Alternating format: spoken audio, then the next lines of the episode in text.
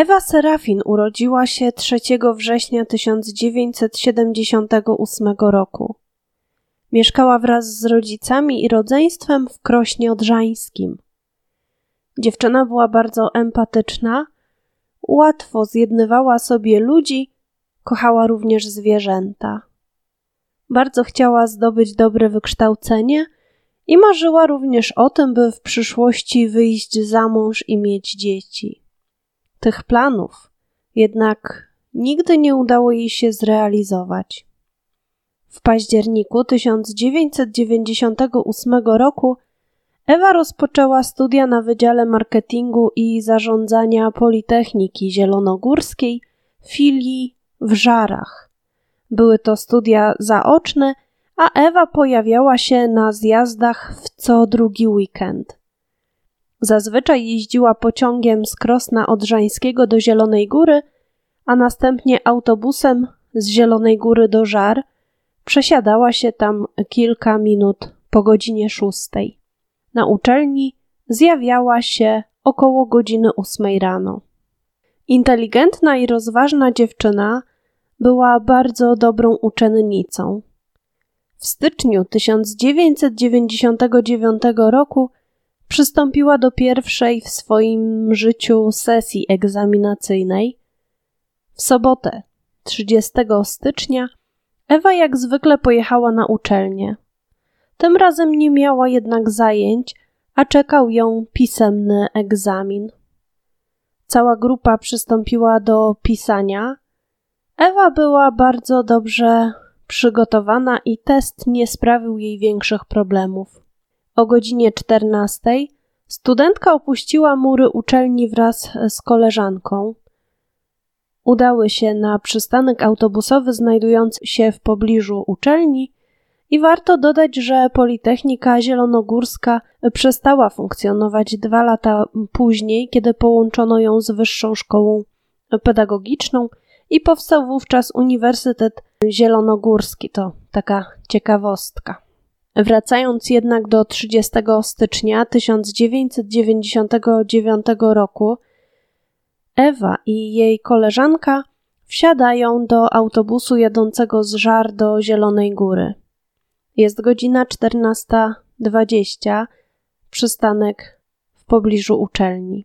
Młode kobiety spędziły w autobusie około godziny, rozstały się następnie w Zielonej Górze, wysiadły na różnych przystankach, więc nie ma pewności co do tego, na którym dokładnie wysiadła Ewa, ale zazwyczaj wysiadała na, na przystanku usytuowanym przy Alei Wojska Polskiego i można zakładać, że i tym razem również tam wysiadła. Tym bardziej, że kierowca autobusu był niemal pewien, że widział wysiadającą tam Ewę Serafin. W pobliżu Biblioteki Wojewódzkiej imienia Cypriana Kamila Norwida, lecz po drugiej stronie ulicy, znajdował się przystanek, z którego Ewa miała wsiąść do kolejnego autobusu, by kontynuować swoją podróż do Krosna Odrzańskiego. Niestety okazało się, że tego dnia autobus miał awarię i nie pojawił się na przystanku o wskazanej na rozkładzie jazdy godzinie. Do następnego autobusu Ewa miała około dwóch godzin. Do domu powinna dotrzeć mniej więcej około godziny 18, ale dziewczyna tego dnia nie pojawiła się w domu. Rodzice byli bardzo zaniepokojeni, ponieważ córce nigdy nie zdarzało się, by nie wróciła do domu na noc. Jeszcze tego samego dnia wieczorem mama Ewy zadzwoniła do koleżanek córki, chcąc sprawdzić, czy dziewczyna nie zasiedziała się u którejś z nich. Niestety nikt nie wiedział, gdzie Ewa może przebywać.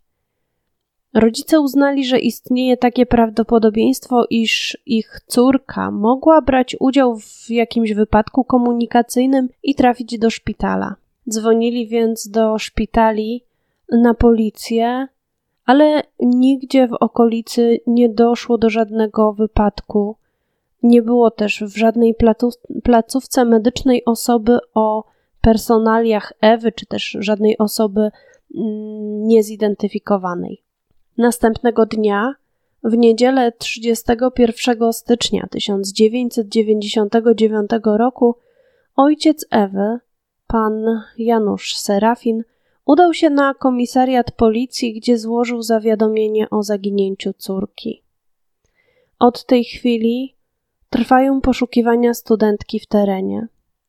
Przeczesywane są lasy oraz zbiorniki wodne na trasie między Zieloną Górą a Krosnem Odrzańskim, a także w okolicy Żar. W trakcie rozmów z rodziną Ewy policjanci dowiadują się, jakim typem osobowości charakteryzowała się dziewczyna i raczej wykluczają, by mogła oddalić się z własnej woli.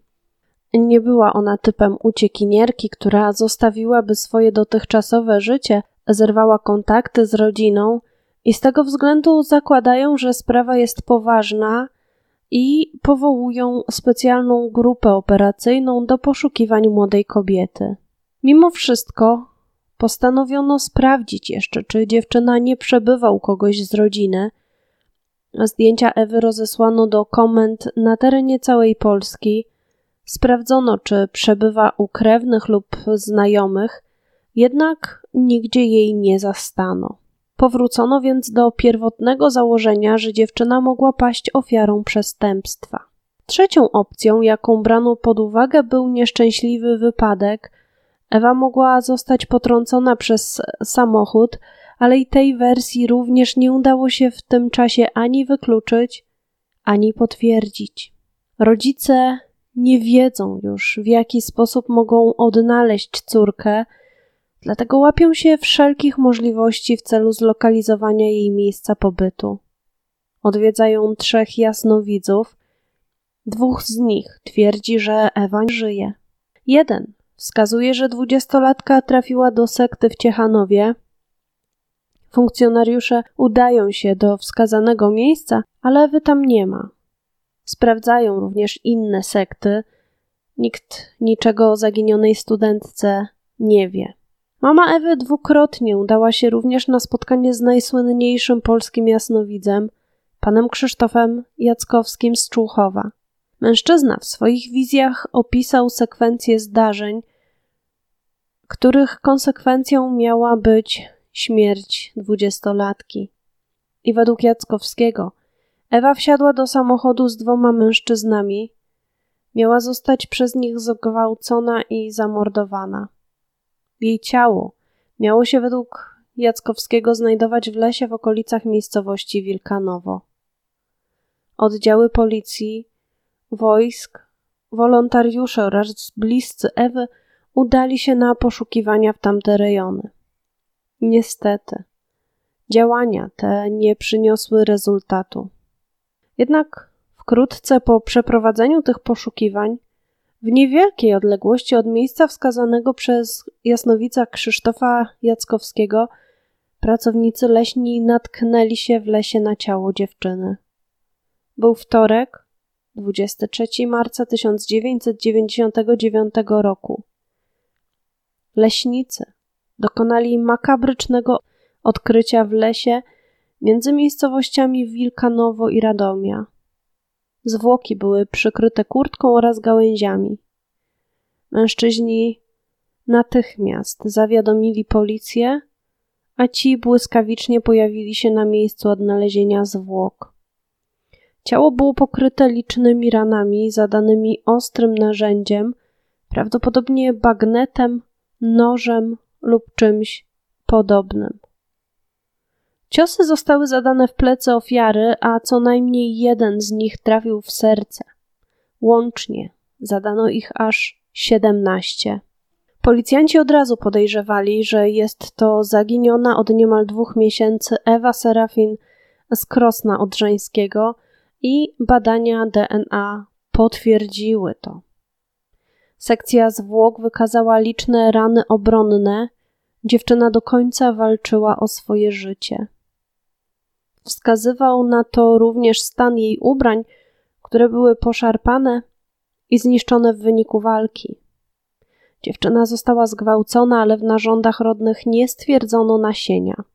Sprawca lub sprawcy musieli posłużyć się prezerwatywą. Na ciele dziewczyny znaleziono jeden włos, który nie należał do Ewy. Nie było również pewności, czy należał do sprawcy. Kieszeni kurtki dziewczyny znajdował się zegarek, ale nie znaleziono na nim żadnych istotnych śladów. 200 metrów od miejsca ujawnienia zwłok znaleziono tubkę kremu plemnikobójczego oraz opakowanie po prezerwatywach.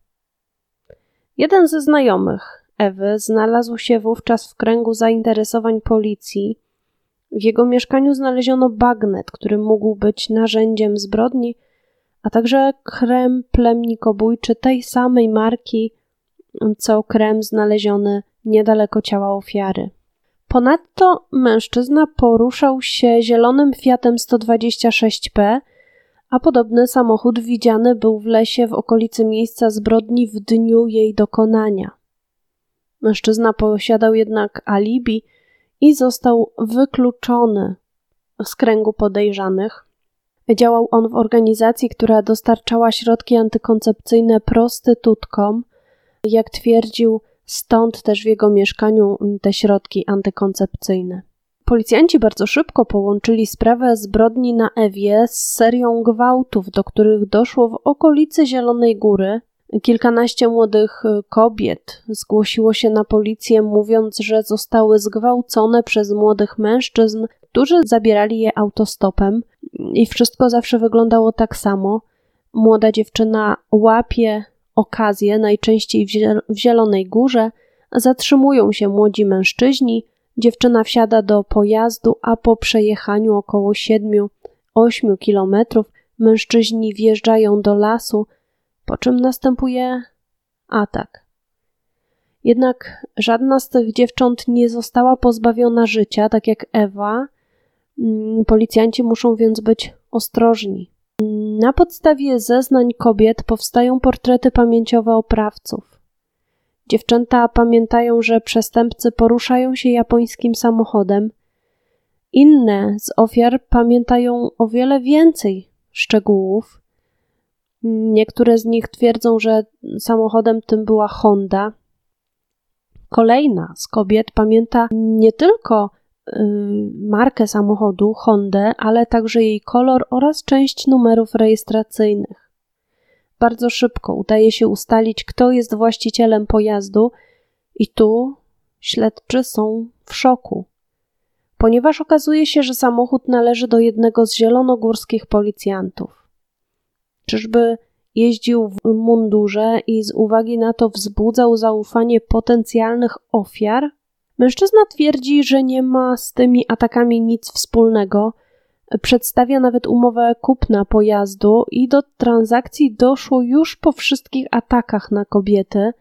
Zatem śledczy postanawiają porozmawiać z człowiekiem, który sprzedał policjantowi Hondę i okazuje się być nim starszy mężczyzna, zupełnie nie przypominający z wyglądu żadnego z napastników. Okazuje się jednak, że z samochodu bardzo często korzystał syn mężczyzny, Mariusz W. 21-latek przypomina ponadto jednego z mężczyzn z portretu pamięciowego. Mariusz W. zostaje natychmiast zatrzymany. Zeznaje, że jego towarzyszem był Tomasz K. Jednak obaj zaprzeczali, by dochodziło do gwałtów na kobietach. Obaj twierdzili, że owszem, doszło do kontaktów seksualnych między nimi a dziewczętami, które zgłosiły się na policję, jednak zapewniali, że do tych wszystkich sytuacji doszło za zgodą kobiet. Mariusz W. został zabrany przez policjantów do lasu, w którym doszło do zbrodni na Ewie. Wysiadł z policyjnego samochodu kilkaset metrów od tego miejsca, a następnie zaprowadził funkcjonariuszy na miejsce ukrycia ciała i przyznał wreszcie, że doszło do gwałtu i zabójstwa. Opowiedział, jak zabrali dziewczynę z przystanku w Zielonej Górze 31 stycznia 1999 roku około godziny 16. Dziewczyna zapytała, czy jadą do Krosna Odrzańskiego. Potwierdzili. Wsiadła do samochodu i usiadła z tyłu. Po około siedmiu kilometrach samochód prowadzony przez Mariusza W. wjechał do lasu. Mężczyźni zgwałcili Ewę. Po tym dziewczyna wyrwała się oprawcom i zaczęła uciekać. Tomasz K. zabrał jakiś ostry przedmiot ze schowka i zaczął za nią biec. Po dwudziestu minutach miał wrócić do samochodu i kazać towarzyszowi odjechać z lasu. Jednak po kilku minutach mężczyźni wrócili na miejsce. A Tomasz zabrał Mariusza w głąb lasu, gdzie leżało ciało dziewczyny. Przykryli je gałęziami. Następnie, kiedy oddalili się od miejsca zbrodni, wyrzucili w przypadkowym miejscu rzeczy Ewy pozostawione w pojeździe. Po kilku dniach od złożenia tych zeznań Mariusz W. odwołał swoje wyjaśnienia, natomiast Tomasz K. zaprzeczył, by taka sytuacja w ogóle miała kiedykolwiek miejsce. Według zeznań zgwałconych kobiet w napadach y, na nie miało brać udział nie dwóch, a trzech mężczyzn, i po kilku miesiącach śledczym udało się zlokalizować trzeciego z nich. W czasie zbrodni na Ewie przebywał za granicą. Został również zatrzymany poza granicami Polski wyjaśnił, że nie brał udziału w zabójstwie Ewy, ale kiedy pewnego dnia jechał razem samochodem z Mariuszem oraz z Tomaszem, przejeżdżali w pobliżu miejsca zbrodni i wówczas Mariusz miał wyciągnąć ze schowka połowę nożyczek i zapytać Tomasza, czy pamięta. Jego gestykulacja w tamtej chwili obrazowała dźganie nożem. Wówczas Tomasz miał zasugerować koledze, by milczał. Zebrany materiał dowodowy pozwolił na postawienie obu mężczyzn, Mariusza W. oraz Tomasza K., przed sądem z zarzutami wielokrotnych gwałtów oraz zabójstwa Ewy Serafin. Źródła nie podają, czy trzeci z mężczyzn faktycznie brał udział w pozostałych gwałtach. Wiadomo, że przed sądem nie stanął wraz z kolegami. Nie wiem, być może odbył się jakiś osobny proces, natomiast no tego nie wiem. Proces w sprawie zabójstwa Ewy został utajniony z uwagi na drastyczność zbrodni. Tomasz K. został skazany na 25 lat pozbawienia wolności, łącznie za gwałty oraz zabójstwo. Mariusz W. został skazany na 15 lat za gwałty oraz pomoc w zacieraniu śladów zbrodni. Proces został później powtórzony. Tomasz K. ponownie został skazany na 25 lat ale kara dla Mariusza W. została zmniejszona do 13 lat. Ostatecznie sąd apelacyjny w Poznaniu uniewinnia obu mężczyzn od zarzutu zabójstwa Ewy Serafin. Obaj zostają skazani tylko za gwałty, zostaje im zasądzone po 13 lat. Zatem w świetle prawa sprawa zabójstwa Ewy Serafin nadal pozostaje nierozwiązana. Niestety, wyrok w tej sprawie jest niejawny i nie wiem, jakie było uzasadnienie tego orzeczenia. I to już wszystko w tej sprawie. Bardzo Wam dziękuję za wysłuchanie dzisiejszego odcinka. Pamiętajcie o zasubskrybowaniu kanału, jeśli jeszcze tego nie zrobiliście. Proszę również o wsparcie kanału przez Patronite. Będzie to ogromna motywacja do dalszej pracy. A tymczasem trzymajcie się ciepło i uważajcie na siebie. Cześć!